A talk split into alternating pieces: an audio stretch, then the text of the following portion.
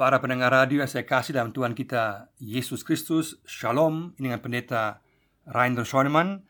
Pada saat ini kita bersama-sama akan merenungkan tema Para wanita yang melayani dalam kasih dan kerelaan. Para wanita yang melayani dalam kasih dan kerelaan. Lukas pasal 8 ayat 1 sampai 3 Lukas pasal 8 ayat 1 sampai 3 Perempuan-perempuan yang melayani Yesus tidak lama sesudah itu, Yesus berjalan berkeliling dari kota ke kota dan dari desa ke desa memberitakan Injil Kerajaan Allah.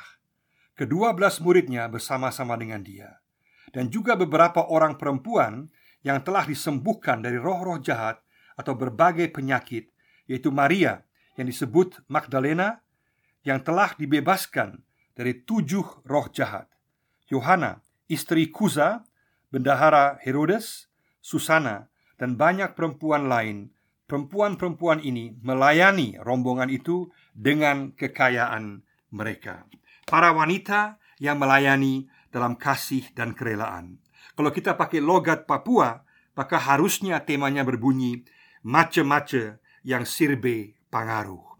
Ibu-ibu yang hebat, mantap, top class. Mace-mace yang sirbe pengaruh.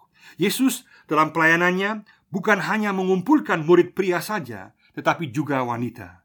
Yesus sungguh revolusioner, menggemparkan, mengejutkan banyak orang dengan mengikut sertakan kaum wanita dalam pelayanannya dan dalam pengajarannya. Yesus memandang kaum wanita sebagai memiliki kedudukan yang setara dengan kaum pria. Hal yang sangat revolusioner pada waktu itu, berbeda dengan pandangan umum masyarakat Yahudi, Yunani, dan Romawi pada waktu itu. Tidak ada rabi atau guru agama di waktu itu yang memiliki murid wanita. Hanya Yesus sungguh istimewa dan beda dalam sikap dan perilakunya terhadap kaum wanita. Dapat dikatakan Yesus adalah seorang feminis sejati dalam arti sungguh peduli memperhatikan dan membela harkat martabat kaum wanita. Mereka boleh belajar dari Yesus dan dimuridkan oleh Yesus hari demi hari dan melihat kuasa mujizatnya. Tidak ada hal yang Yesus rahasiakan yang hanya boleh diketahui oleh kaum pria saja. Yesus tidak menyepelekan atau menyingkirkan kaum wanita hanya untuk pekerjaan tertentu saja, sebagaimana banyak orang lakukan di masa itu dan juga di masa kini.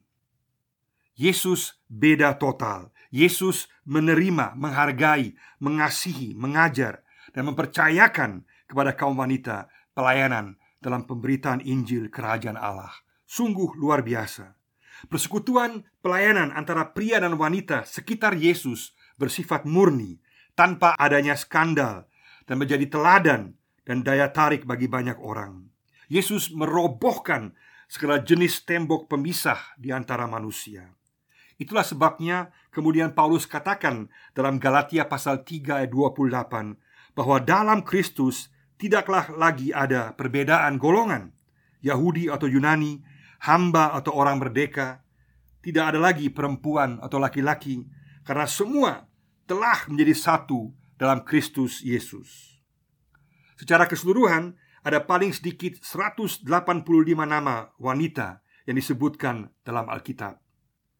Kitab Injil Lukas memberikan perhatian khusus kepada status dan peran wanita. Silsilah Yesus dibuat berdasarkan keturunan Maria. Nyanyian pujian Maria diberikan. Tentang Nabiah Hana diberitakan. Yesus menyembuhkan ibu mertua Petrus. Yesus diurapi oleh perempuan berdosa. Yesus menyembuhkan seorang wanita di hari Sabat yang bungkuk punggungnya. Yesus menjadikan seorang janda sebagai teladan pemberian persembahan. Yesus menyembuhkan wanita yang sakit pendarahan. Yesus menghargai Maria dan Marta dan menyetujui Maria untuk belajar daripadanya bersama kaum pria. Para wanita yang juga tetap setia berdiri di kayu salib Yesus. Para wanita yang juga pertama ada di kubur Yesus dan juga menjadi saksi kebangkitan Yesus yang pertama. Para wanita setia sampai akhir, luar biasa. Dalam jemaat mula-mula, kemudian di kisah para rasul, ada banyak wanita yang memainkan peranan yang penting dalam pemberitaan Injil, melayani diakonia, dan dalam memimpin jemaat-jemaat seperti Priscilla, Phoebe, Lydia, Maria, Yulia, Damaris, Oinike, dan lain-lain. Yesus sungguh menghargai harkat martabat kaum wanita dan peran mereka dalam pelayanan. Adalah penting bagi kaum wanita untuk menyadari bahwa mereka dikasihi, dihargai, dan ditugaskan oleh Yesus. Inilah kepercayaan diri yang sejati. Bagi kaum pria adalah sangat penting untuk sebagaimana Yesus menghargai kaum wanita sebagai sederajat di hadapan Allah.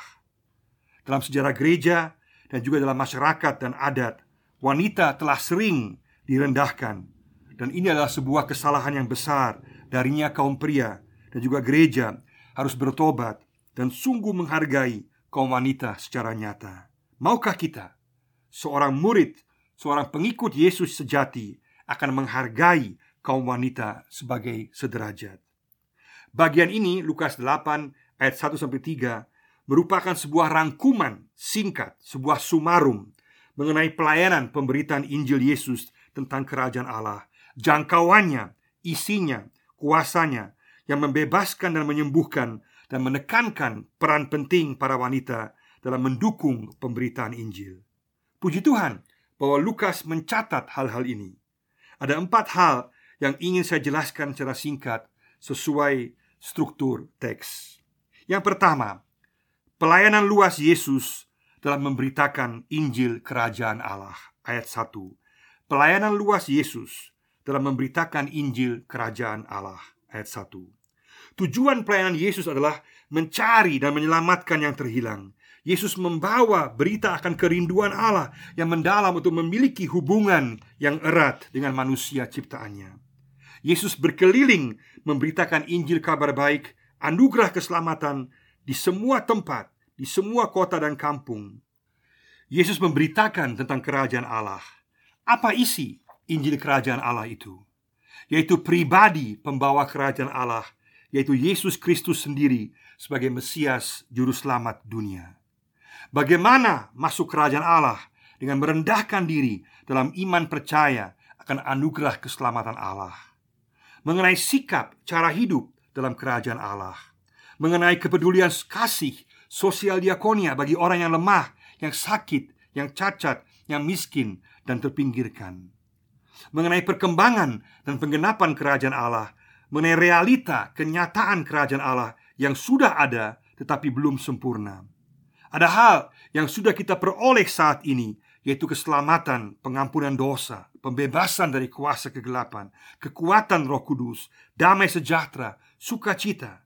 Dan ada hal-hal yang baru akan kita peroleh di masa depan Saat Yesus datang kembali dalam kemuliaan Yaitu kehidupan kekal Bebas dari segala jenis penderitaan, sakit penyakit, kematian Dan tidak lagi ada air mata Hanya sukacita murni dan sejati juga mengenai penyampaian Injil keselamatan Yesus ke seluruh dunia. Mengenai persiapan menjelang kedatangan pengenapan kerajaan Allah secara sempurna dalam iman percaya kita dan dalam pelayanan. Tugas pemberitaan Injil ini Yesus lakukan bersama-sama dengan kedua belas murid pria dan para murid wanita. Rencana Yesus adalah adanya kerjasama, adanya teamwork antara Yesus dengan para murid pria dan wanita. Juga ada kerjasama, ada teamwork antara murid pria dan murid wanita. Semua memiliki karunia dan kemampuan masing-masing yang berbeda. Tapi semua penting dan semua dibutuhkan. Hanya dengan kerjasama dengan Yesus dan dalam kerjasama antara murid pria dan wanita, pemberitaan Injil Kerajaan Allah akan menghasilkan buah dan menjadi berkat bagi banyak orang. Jangan anggap bisa sendiri tanpa Tuhan Atau tanpa kaum wanita Atau tanpa kaum pria. Kerjasama ilahi ini Antar gender ini Akan membawa kemuliaan bagi Allah Dan perluasan kerajaan Allah. Maukah kita sungguh-sungguh belajar Isi kerajaan Allah Dan mewujudkannya secara nyata? Mari sama-sama kita membuat keputusan Komitmen tekad Untuk terlibat dalam pelayanan Bersama-sama Yesus Dan dalam kerjasama bersama setiap kita berharga dan dibutuhkan dan akan menjadi berkat bagi orang lain. Tugas yang maha besar ini hanyalah dapat dilakukan bersama-sama dengan Yesus dan dengan semua, baik pria maupun wanita. Bersediakah kita? Maukah kita bekerja sama? Yang kedua adalah para wanita yang menerima dan memberitakan Injil Kerajaan Allah. Ayat 2a. Para wanita yang menerima dan memberitakan Injil Kerajaan Allah. Ayat 2a. Selain kedua belas murid Yesus juga disebutkan tiga murid pengikut wanita yang menonjol, yaitu Maria Magdalena, Yohana, dan Susana. Tetapi selain mereka ada lebih banyak wanita lain yang mengikut Yesus. Tentang mereka dapat dikatakan karena mereka telah menerima Injil keselamatan Yesus, maka mereka semua memandang sebagai sebuah kehormatan untuk dapat melayani pemberitaan Injil oleh Yesus dan para muridnya. Motivasi mereka yang terdalam dalam pelayanan adalah kasih, syukur, dan sukacita. Mereka sangat peka dan terbuka terhadap pribadi Yesus, pembawa kerajaan Allah dan pengajarannya. Untuk dapat melayani Yesus, seseorang harus mengenal Yesus secara pribadi. Hanya dengan perjumpaan pribadi dengan Yesus dapat dirasakan anugerah, kasih, dan penerimaan Yesus. Mereka semua telah berjumpa dengan Yesus, dan mereka semua diubahkan sehingga mereka semua melayani dalam kerelaan. Mereka bukan saja berjumpa dengan Yesus, tetapi juga telah mengerti dan menerima isi Injil. Isi Injil bahwa Yesus adalah Sang Mesia, Sang Juru Selamat yang berkuasa atas kuasa kegelapan, penyakit, alam, maut, dosa, dan membawa keselamatan kekal bagi setiap orang yang percaya kepadanya. Dan karena semua wanita ini telah berjumpa dengan Yesus, mengerti dan menerima isi Injil, maka kehidupan mereka diubahkan dan mereka tampil beda. Dalam bahasa Papua, para wanita ini, macam-macam ini Sungguh-sungguh sirbe, pangaru, andalan, terada yang blok Hebat, mantap, top class Mereka dikuasai kasih dan jiwa melayani syukur yang tak terhingga untuk anugerah keselamatan yang mereka peroleh dalam Yesus. Para wanita biasa ini menjadi luar biasa oleh karena Yesus. Mereka memberitakan apa yang telah mereka alami bersama Yesus kepada orang lain. Yesus mengikut sertakan mereka dalam pelayanan. Mereka tentu juga melayani orang-orang yang datang dengan pelayanan pastoral konseling, menguatkan iman mereka yang datang di tengah berbagai situasi kehidupan yang sulit. Sungguh luar biasa. Setiap kita, baik wanita maupun pria, dapat dipakai oleh Tuhan untuk menjadi saksinya dan melayaninya sesuai dengan karunia dan kemampuan yang kita miliki. Semua kita dikasihi, dihargai, dan tugaskan oleh Tuhan. Tetapi semua ini hanya dapat terjadi jika kita berjumpa dengan Tuhan Yesus secara pribadi, mengerti isi Injil dan menerimanya. Dan kita pasti akan diubahkan dan membawa perubahan. Hanya orang yang telah diubahkan dapat membawa perubahan. Hanya orang yang telah diubahkan dapat membawa perubahan. Setiap orang yang diubahkan oleh Yesus pasti akan membawa perubahan dalam lingkungan di mana dia berada, dalam cara hidup, dalam kasih dan pelayanan yang nyata.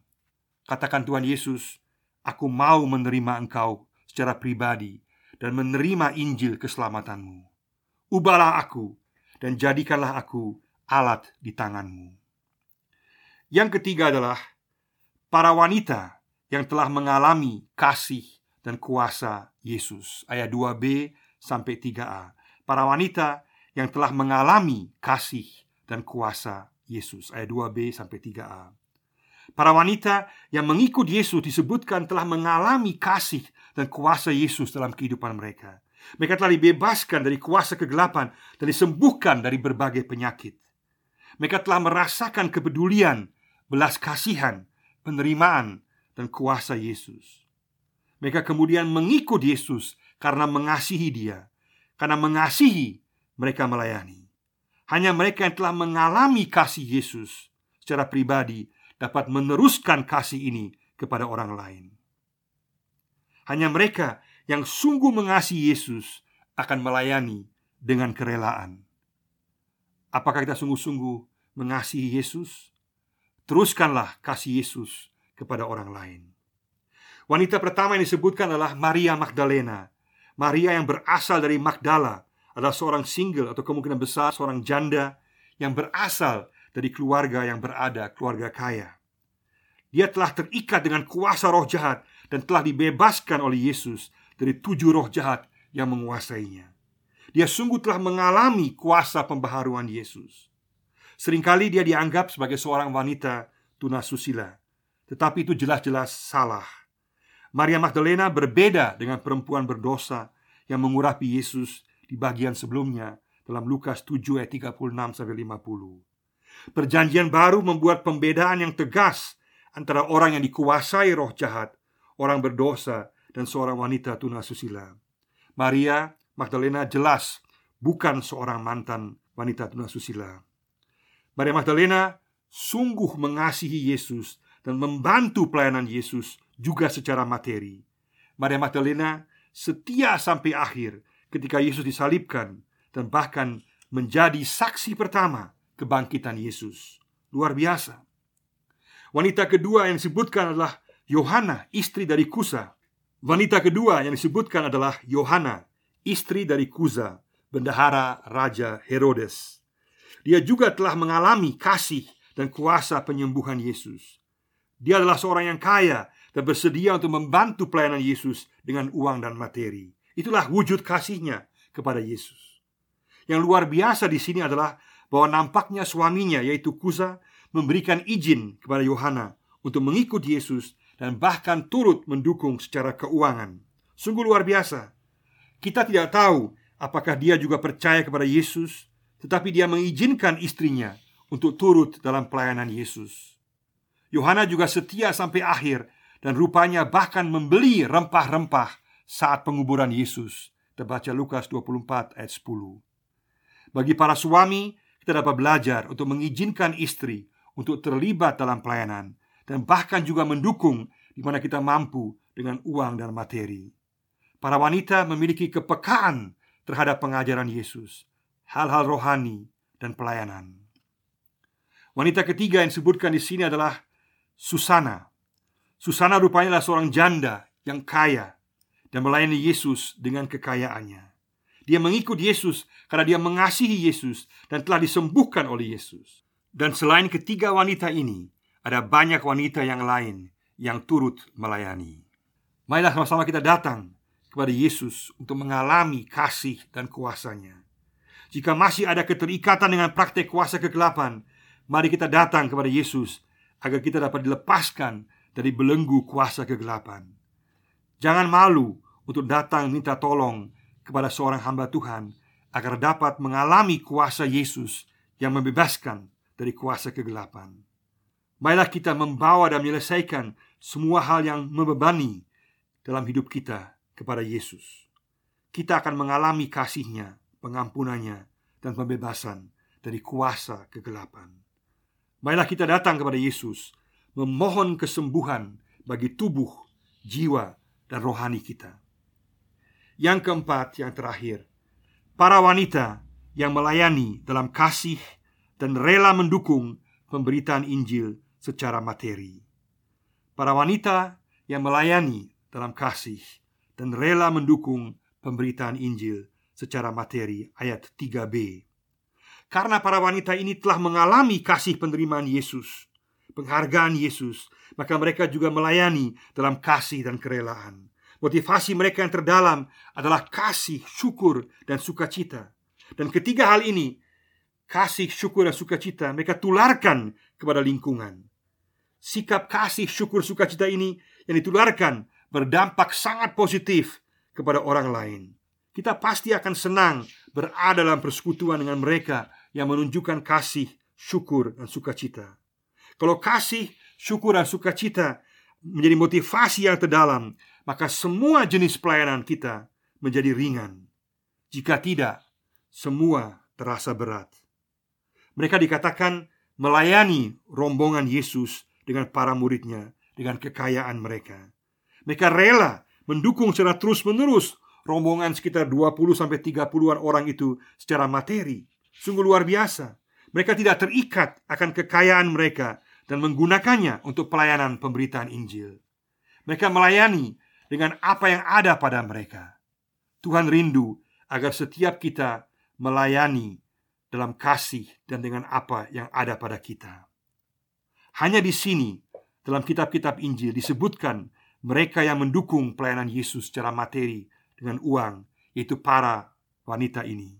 Puji Tuhan bahwa Lukas mencatat hal ini. Mereka pasti juga melayani secara praktis, seperti menyiapkan tempat tinggal, memasak, mencuci pakaian. Setiap orang yang telah menerima Yesus diperlengkapi untuk pelayanan dengan karunia. Kita juga dipanggil untuk menggunakan materi untuk pelayanan dalam sikap kasih dan kerelaan. Dalam sejarah gereja, sejarah misi, dan di masa kini pun para wanita adalah tulang punggung pelayanan dalam gereja dan misi sedunia. Untuk penginjilan di tanah-tanah Papua, tidak banyak diketahui orang bahwa Auguste, istri Otto, memiliki peran yang sangat penting. Sesudah kematian dini suaminya, Auguste memperjuangkan di Batavia, Jakarta waktu itu agar penginjilan tetap dilakukan di tanah Papua. Pada waktu itu, setelah 10 tahun penginjilan nampaknya tanpa hasil. Badan misi menganggap usaha Injil di tanah Papua sia-sia. Tetapi Auguste kemudian memperjuangkan agar penginjilan tetap dijalankan. Puji Tuhan. Secara khusus di tanah Papua ada banyak mama-mama, nyora-nyora, istri-istri, pendeta dan guru, kaum wanita dalam jemaat-jemaat yang kurang dikenal atau tidak dikenal namanya yang telah melayani Tuhan Yesus dalam kasih dan kerelaan. Ada juga banyak pendeta wanita, guru wanita, warga jemaat wanita yang terlibat dalam pelayanan. Ada banyak pahlawan-pahlawan wanita tanpa nama, tetapi yang dikenal Tuhan namanya, yang telah memberikan yang terbaik dalam pelayanannya di tanah Papua. Baik dari Papua sendiri maupun juga dari Maluku, dari Sangir, dan berbagai daerah lainnya. Ada Mama Beatrix Koibur, Ibu Pendeta Sopi Pati, dan banyak mama-mama dan wanita-wanita yang begitu hebat, setia, dan luar biasa dalam mendukung pelayanan GKI di tanah Papua. Pada akhir khotbah ini, izinkan saya untuk mengucapkan banyak terima kasih untuk semua wanita, baik di masa lalu dan juga di masa kini, yang telah sungguh-sungguh rela melayani dengan kesungguhan dan kesetiaan dengan pengorbanan di tengah-tengah keluarga dalam pelayanan jemaat dan juga tengah-tengah masyarakat. Setiap Anda dihargai dan dikasihi Tuhan Kiranya Tuhan memberkati. Kiranya semua tetap terlibat dalam pelayanan Sesuai dengan karunia dan kemampuan Serta apa yang Anda miliki. Tuhan memberkati. Mari kita kaum pria Secara spontan memberikan tepuk tangan aplaus Yang meriah untuk para wanita Yang telah sungguh-sungguh terlibat Dengan penuh kesetiaan, kasih dan kerelaan Baik bagi GKI Tanah Papua Maupun semua gereja Tanah Papua Juga di Indonesia dan juga di dunia. Mari sama-sama kita bertekad untuk sungguh-sungguh mau belajar isi Injil Kerajaan Allah dan juga mewujudkannya secara praktis dalam lingkungan di mana kita berada. Mari kita membuat keputusan untuk mau terlibat dalam pelayanan bersama-sama dengan Yesus dan dalam kerjasama antara pria dan wanita. Mari kita datang kepada Yesus untuk mengalami kasihnya dan kuasanya. Mari kita terlibat dalam pelayanan dalam kasih, syukur, dan sukacita. Setiap kita dikasihi dan dihargai. Mari kita pakai semua karunia dan kemampuan kita. Mari kita mendukung pelayanan lewat apa yang ada pada kita, dengan apa yang kita miliki, dengan materi uang, dalam sikap kasih dan kerelaan. Dengan demikian, maka kita semua di masa kini akan menjadi mace-mace yang sirbe pengaruh, tetapi juga pace-pace yang sirbe pengaruh, pemuda-pemudi yang sirbe pengaruh, ibu-ibu, bapak-bapak, pemuda-pemudi yang hebat, mantap, top kelas. Tuhan memberkati kita semua. Amin.